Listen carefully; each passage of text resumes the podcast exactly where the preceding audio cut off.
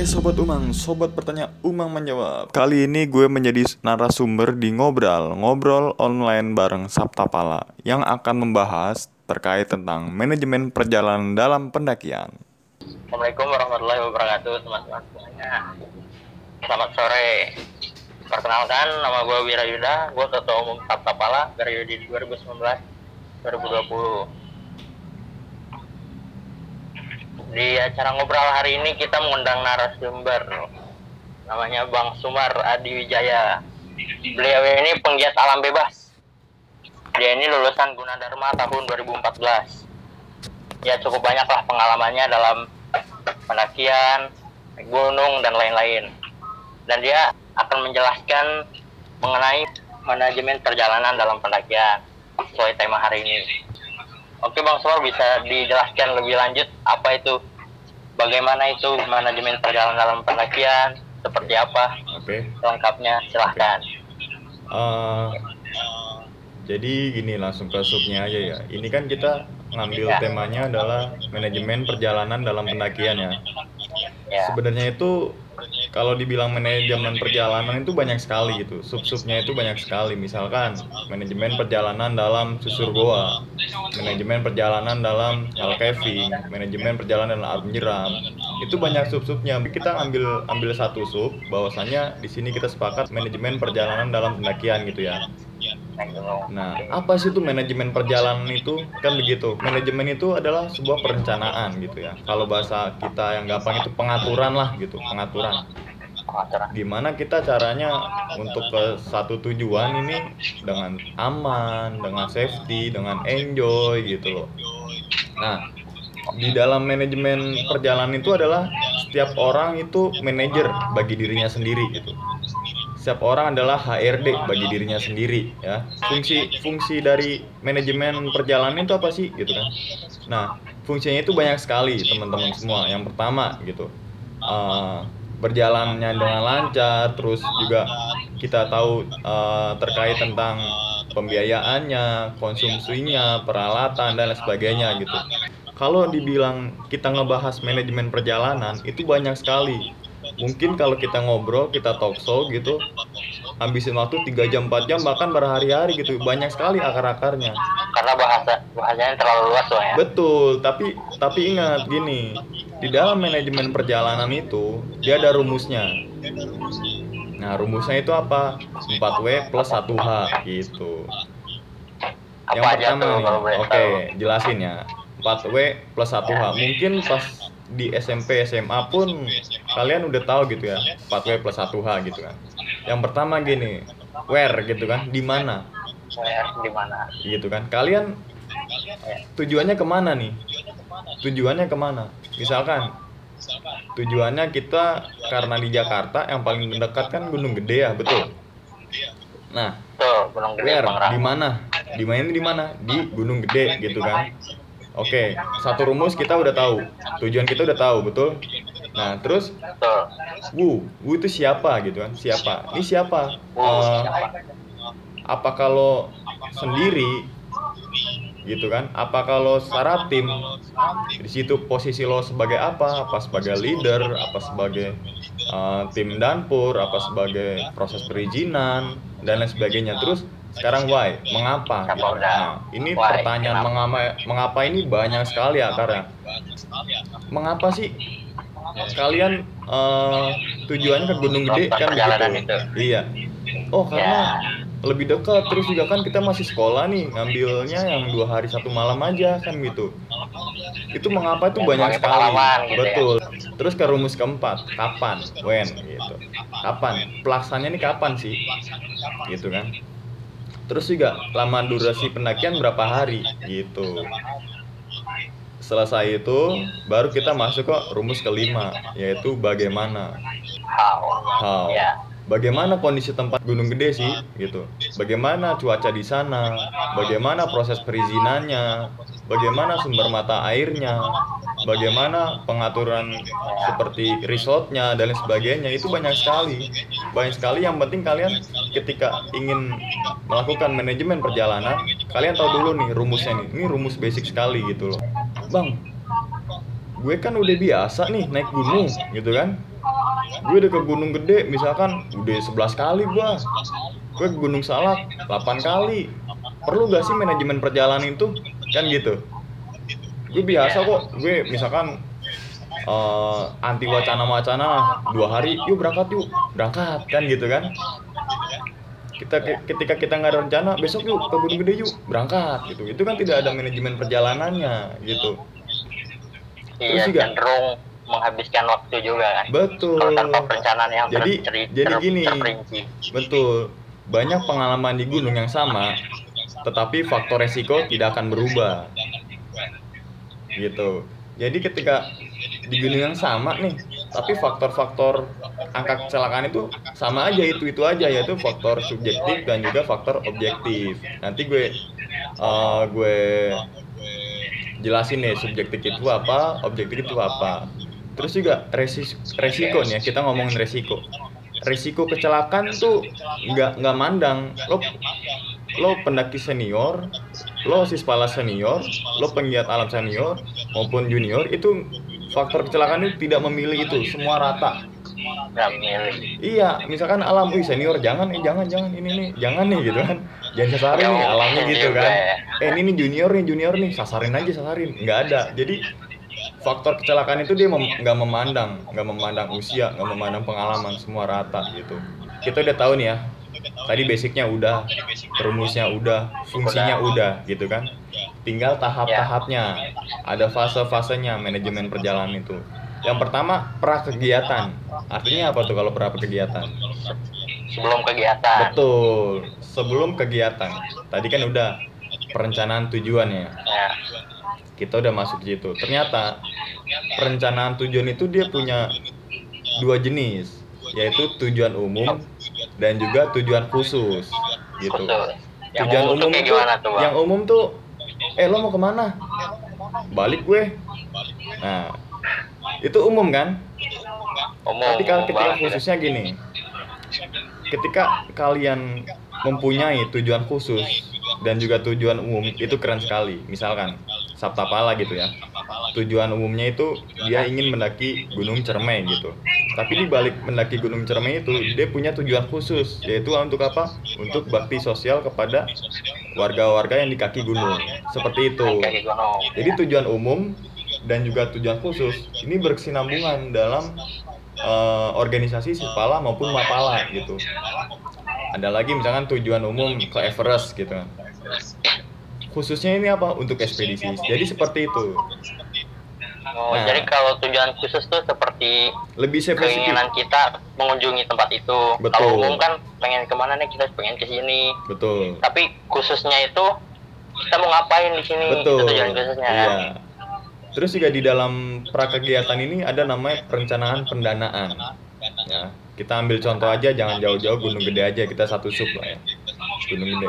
Dananya berapa ya kira-kira kan gitu? Minimal ini berapa ya? Transportasinya berapa ya? Kan begitu kan? Itu ada pendanaannya misalkan naik-naik bis sekian, simaksi sekian, logistik sekian. Jadi kalian punya punya anggaran dulu gitu loh sebelum kalian eksekusi pas hari kegiatannya gitu. Hari kegiatan. Betul. Ketika pendanaan udah udah clear nih, udah jadi misalkan kita ambil kotor 400 gitu ya. Udah dong. Ya. Habis itu kalian bikin eh, perencanaan logistik dan juga perlengkapan gitu. Pembekalan lah gitu. Naik gunung gede kira-kira gue pakai apa ya gitu. kan lo kan nggak mungkin naik gunung gede lo bawa bawa bawa harness full body gitu kan. bawa bawa tali karmantel gitu kan. Bawa bawa sepatu panjat itu kan beda levelnya. Itu beda levelnya. Jadi Iya. perlengkapan nih apa ya? Perlengkapan mungkin kita udah tahu lah ya bahwasanya perlengkapan standar mulai Iya. dari sepatu kan begitu sepatunya nih sepatu Carrier. apa jangan sampai sepatu Vans jangan spa, jangan sampai Nah, sepatu iya. Converse kan begitu Jangan Untuk- sampai tuh ngedaki pakai celana jeans. betul sekali Sama, kan? betul sekali jangan nah itu itu banyak Biasanya Ya. pendaki umum tuh nggak tahu aturan-aturan klasik kayak gitu tuh bang. Oke oke. Terus juga di logistik nih. Kita udah tahu tujuan kita. Kita udah tahu durasinya kita. Logistiknya kita belum tahu. Berarti kan logistik itu dia mengikuti jumlah personal, jumlah eh, apa namanya personil. Satu tim itu. satu tim itu berapa. Ya. durasinya berapa makannya berapa berapa hari kan gitu. Kita ambil contoh aja gunung gede gitu. Dua hari satu malam. Berarti logistik. Kita hitung dulu personilnya ada berapa. sekian misalnya. Terus dia eh, makannya berapa kali ya kira-kira dua hari satu malam ini ya? Kan gitu. Pagi sebelum pendakian kan gitu. Terus eh, makan siang makan malam makan pagi. Minimal. Berarti empat hari. Eh empat kali makan ya dalam sebuah pendakian. Itu itu harus harus di dihitungin matang-matang. Jangan sampai kita dua hari satu malam tapi pembakalan kita cuma sekali makan. Itu kan sangat beresiko sekali nah bahaya itu yang ditimbulin oleh subjektif itu faktor subjektif faktor daripada diri kita sendiri. Kita udah tahu dua hari satu malam tapi bahwa pembekalannya cuma untuk makan satu kali. Gitu loh. Nah. Iya, karena pembekalan juga harus imbang kan bang ya? Betul. Kalau kebanyakan juga kita malah naik turun membawa bekal yang sama juga. Akhirnya Nah, ini- memberatkan diri kita sendiri. ini ini kalau kalau pembakalan masalah kelebihan logistik ya itu sebenarnya bagus gitu ya. Tapi jangan sampai over sekali gitu loh. Misalkan dalam dua hari satu malam dengan jumlah personil 20 orang kalian bawa 20 liter beras kan ngawur gitu kan. Makanya itu ada logistik pokok yang untuk dimakan tiap hari tiap makan. Ada logistik cadangan. Jadi kalian tahu nih ketika akan kalian naik gunung kalian tahu logistik cadangan kalian ini apa gitu. Udah udah jadi udah disetting tuh.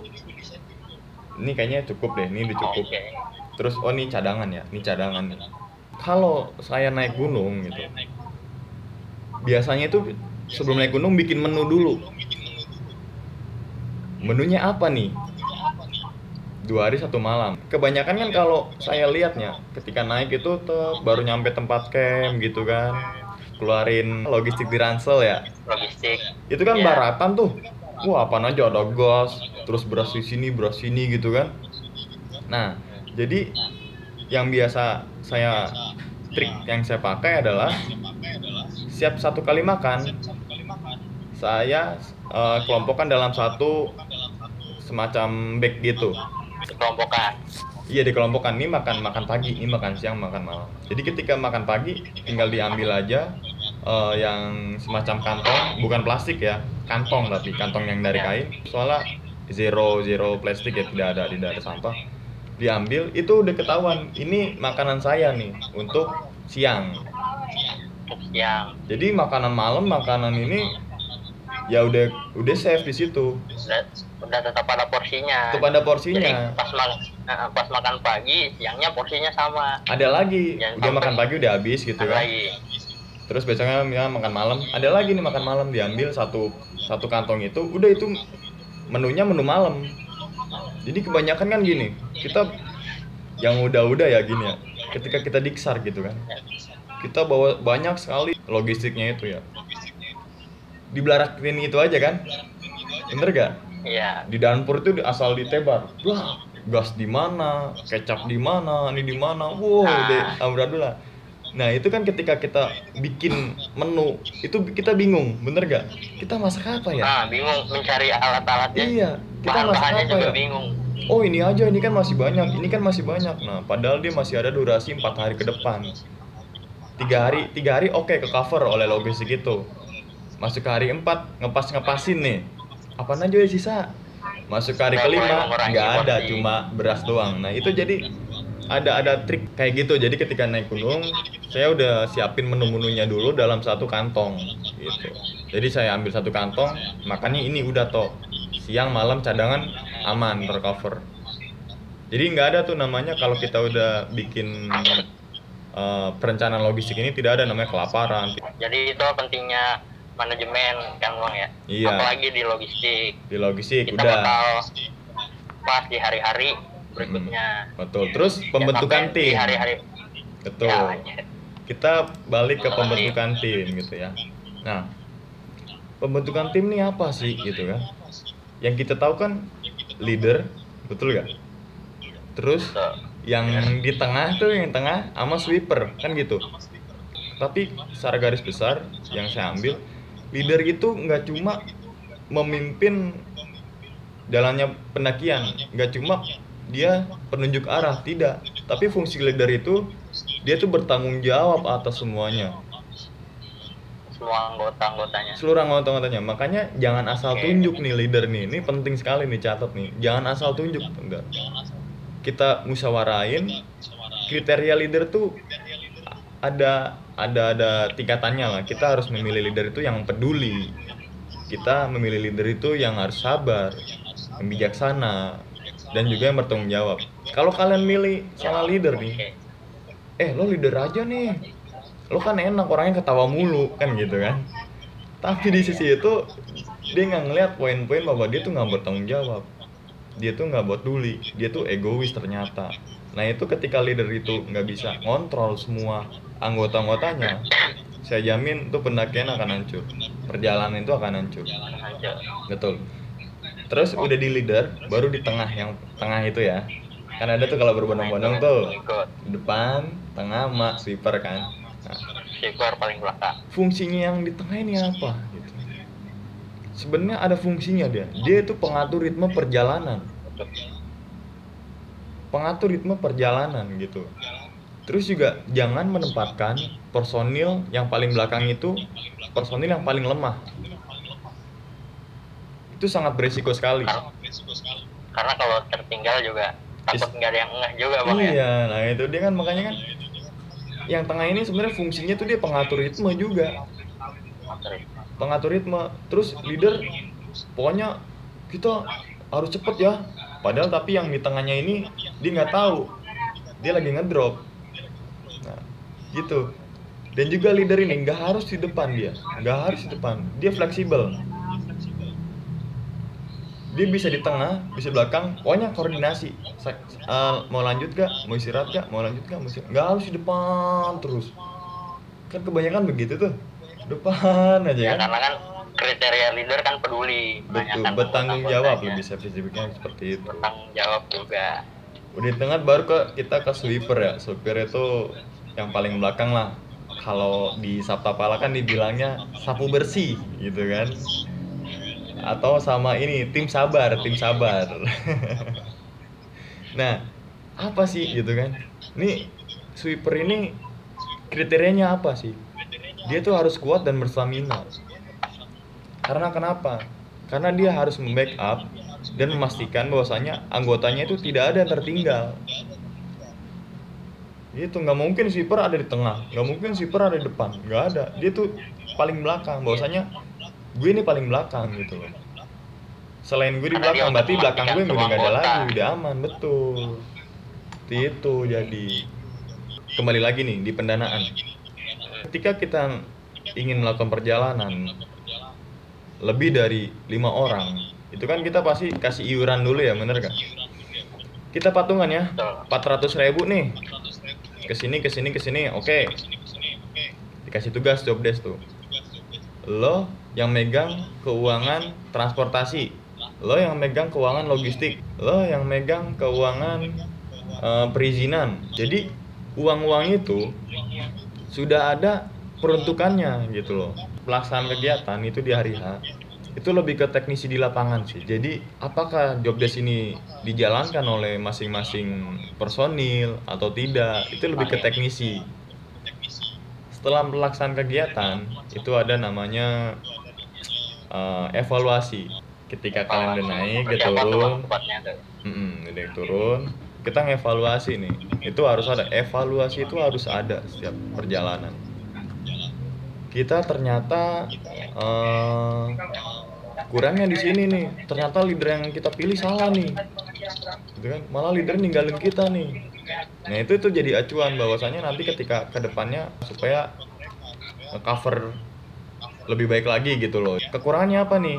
Kekurangannya apa nih? Dan nanti jangan sampai ketika ada kegiatan lagi melakukan hal yang sama sebelumnya. Jangan. Jadi jadi evaluasi ini untuk melihat kesalahan-kesalahan dalam pendakian itu hmm. setelah itu mengoreksi lagi di pendakian berikutnya betul betul sekali. sama.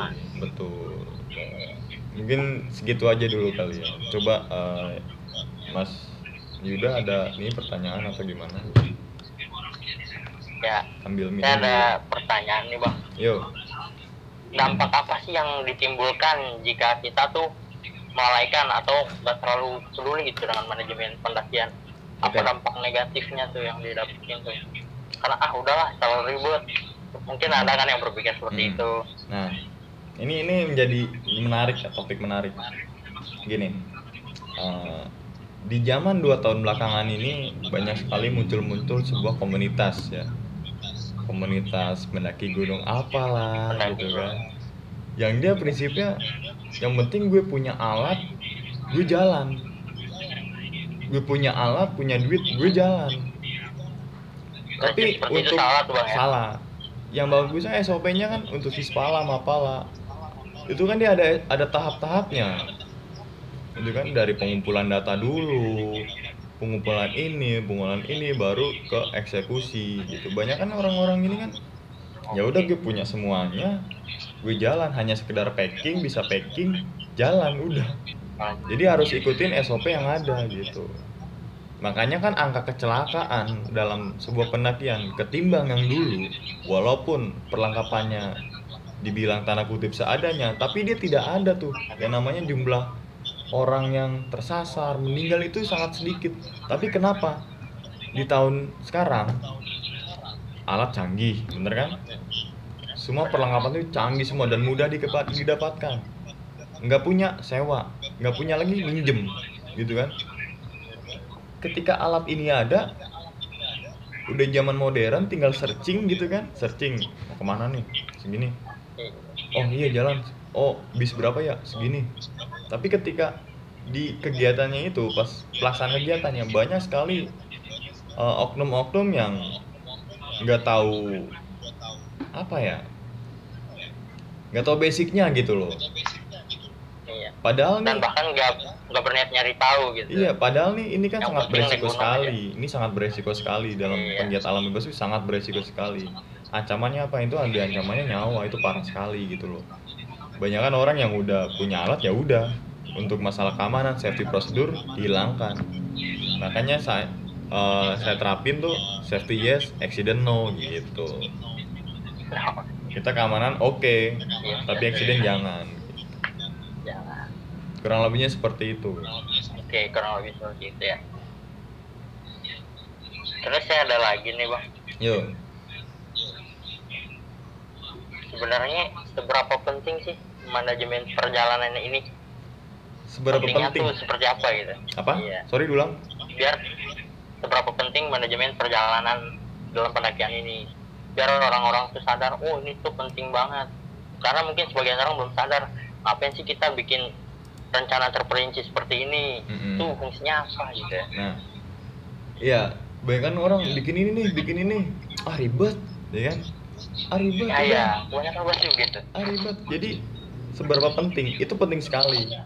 Yang tadi kan udah saya jelasin fungsi manajemen perjalanan kan untuk perencanaan perencanaan kegiatan perencanaan perjalanan dan juga dia untuk meminimalisir angka-angka bisa dibilang dikatakan itu adalah mengurangi resiko gitu loh. Jadi pentingnya itu kembali ke fungsinya lagi sih ya untuk fungsinya betul resiko. fungsi manajemen itu. Iya.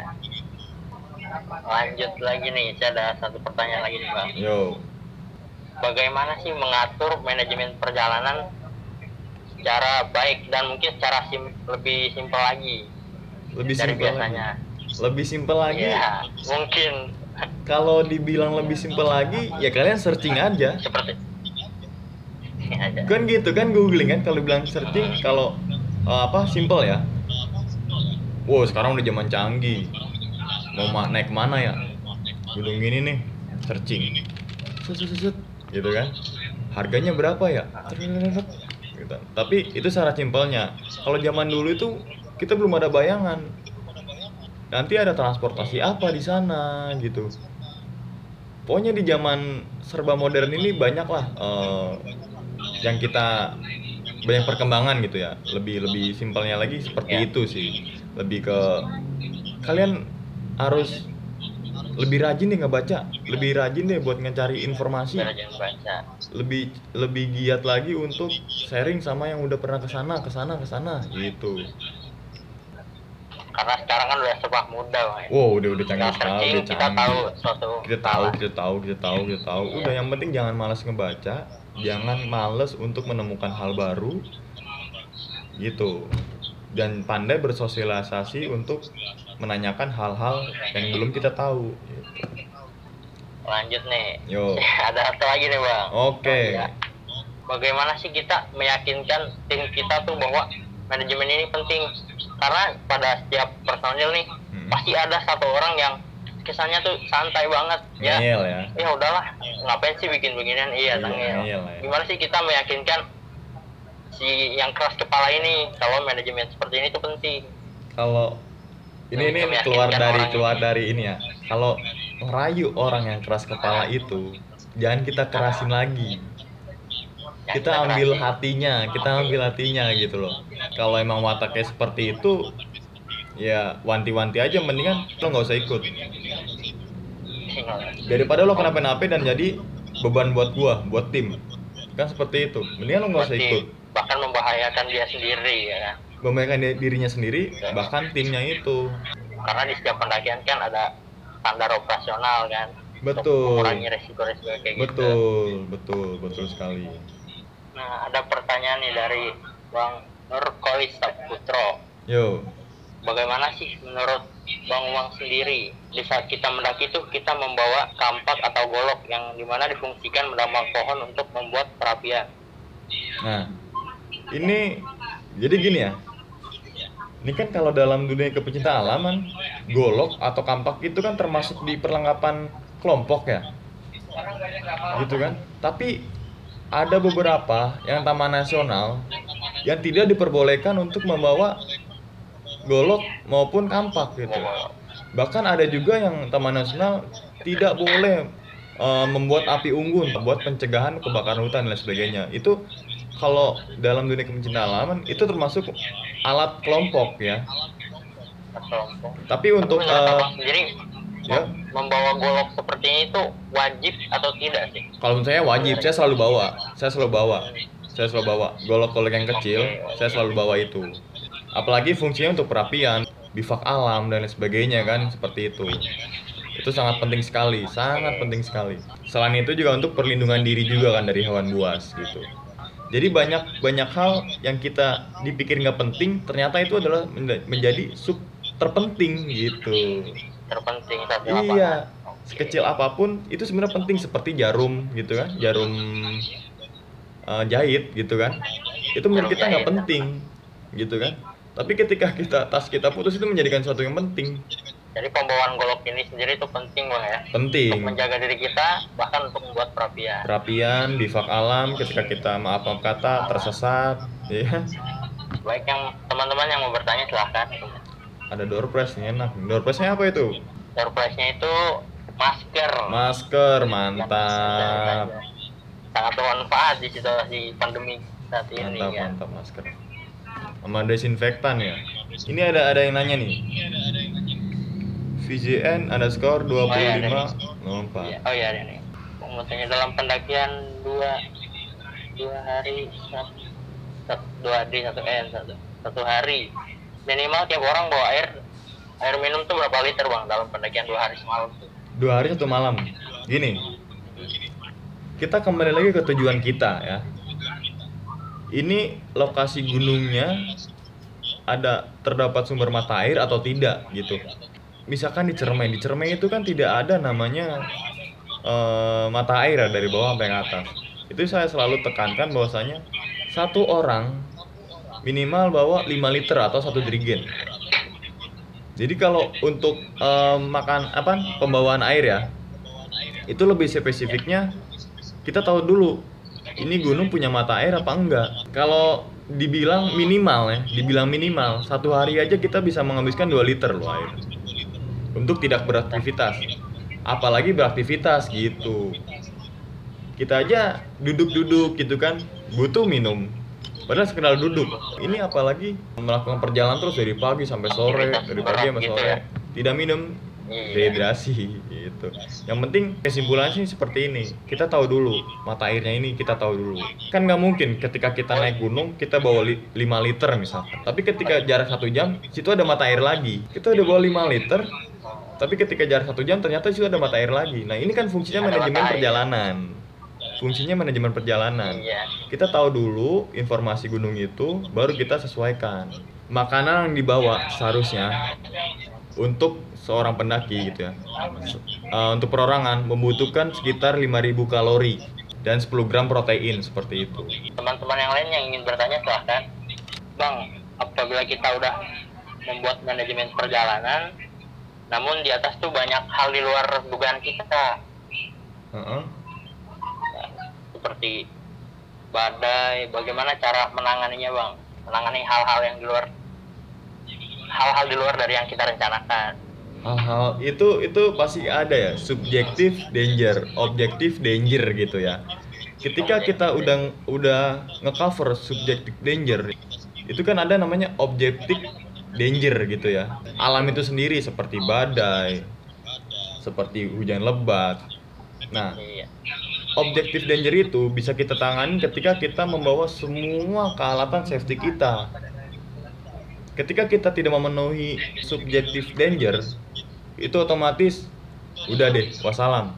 Makanya kan list-list perlengkapan itu kan seperti sepatu yang eh, yang benar, terus jas hujan gitu kan, tendanya yang kokoh, itu kan untuk objektif dangernya kita kan udah punya peralatannya, gitu kan?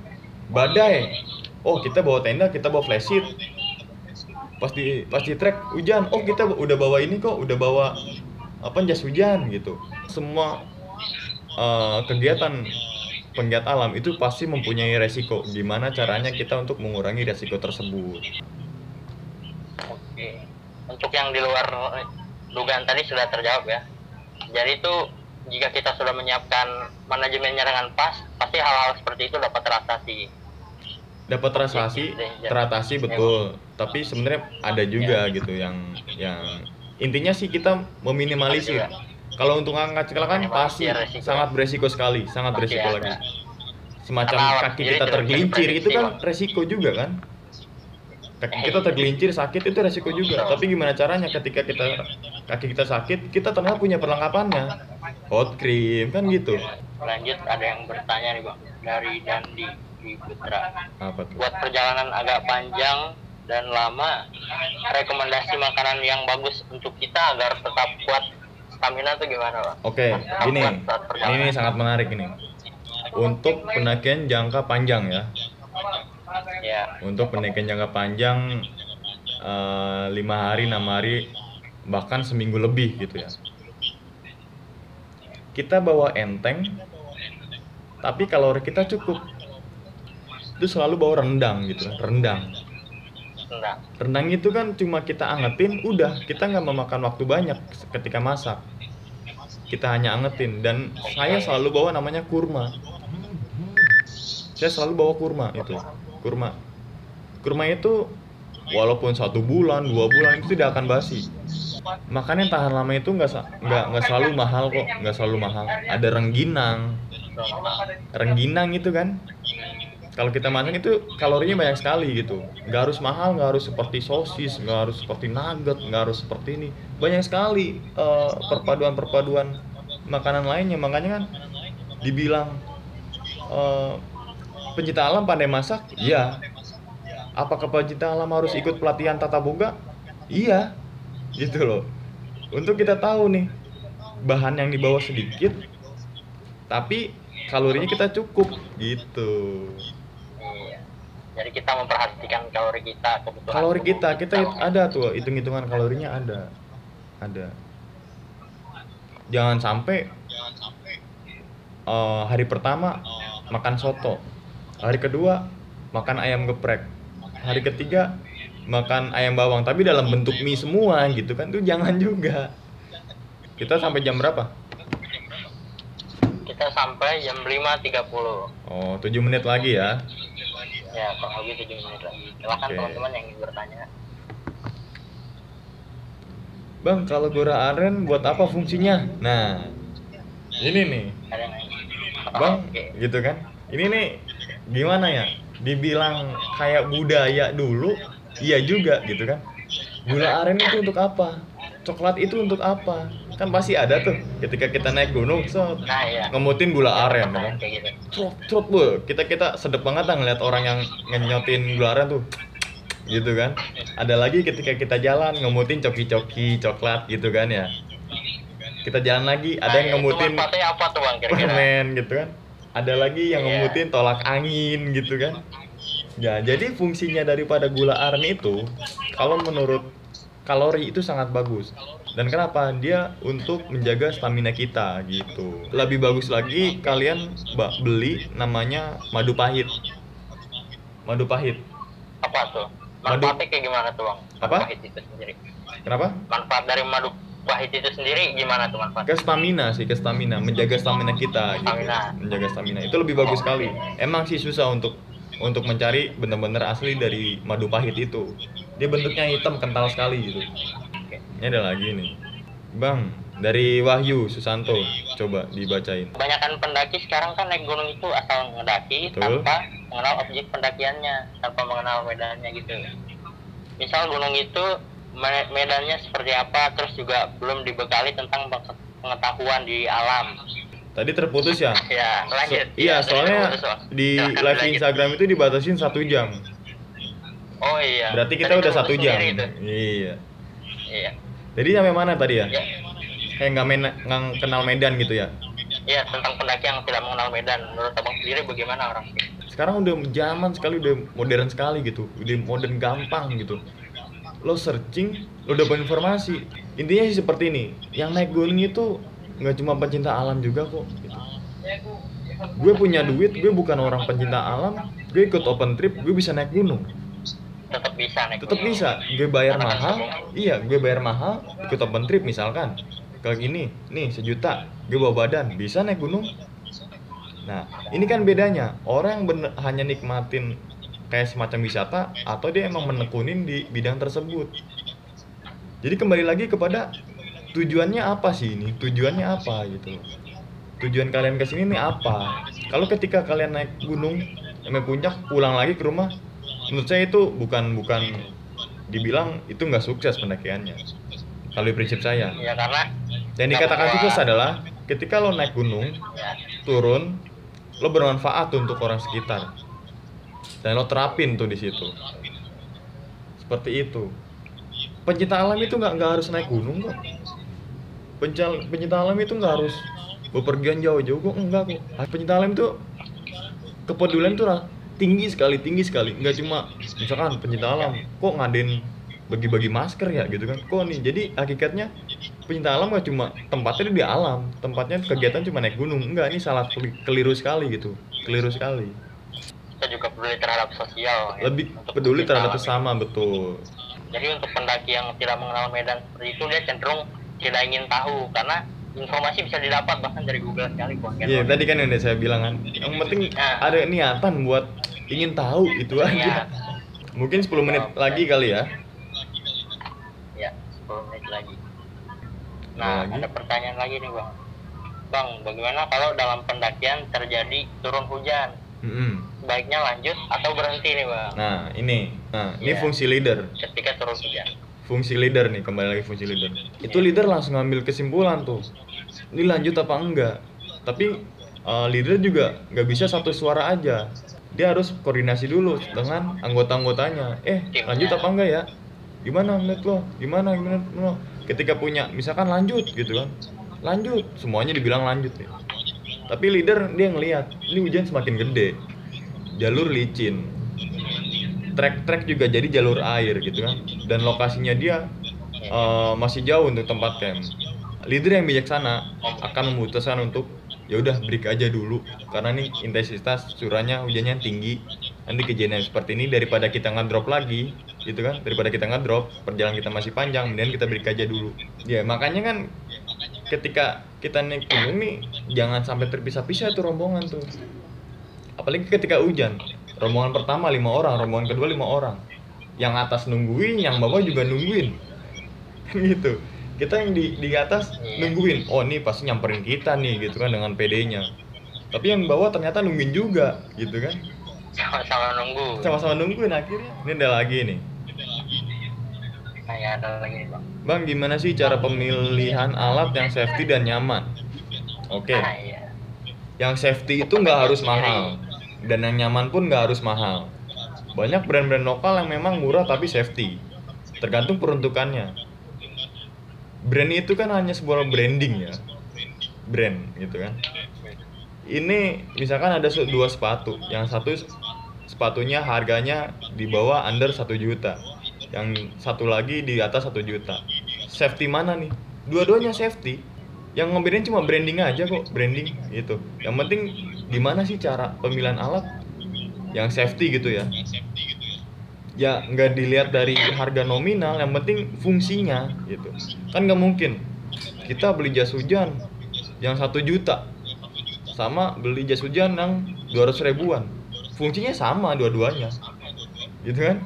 Fungsinya aja dulu. Fungsi itu lah fungsinya dulu. Kita beli topi yang hanya buat melindungi diri. 30 ribu 40 ribu dapet gitu kan? Sama topi yang branding outdoor yang sampai 700 ribu 800 ribu gitu kan?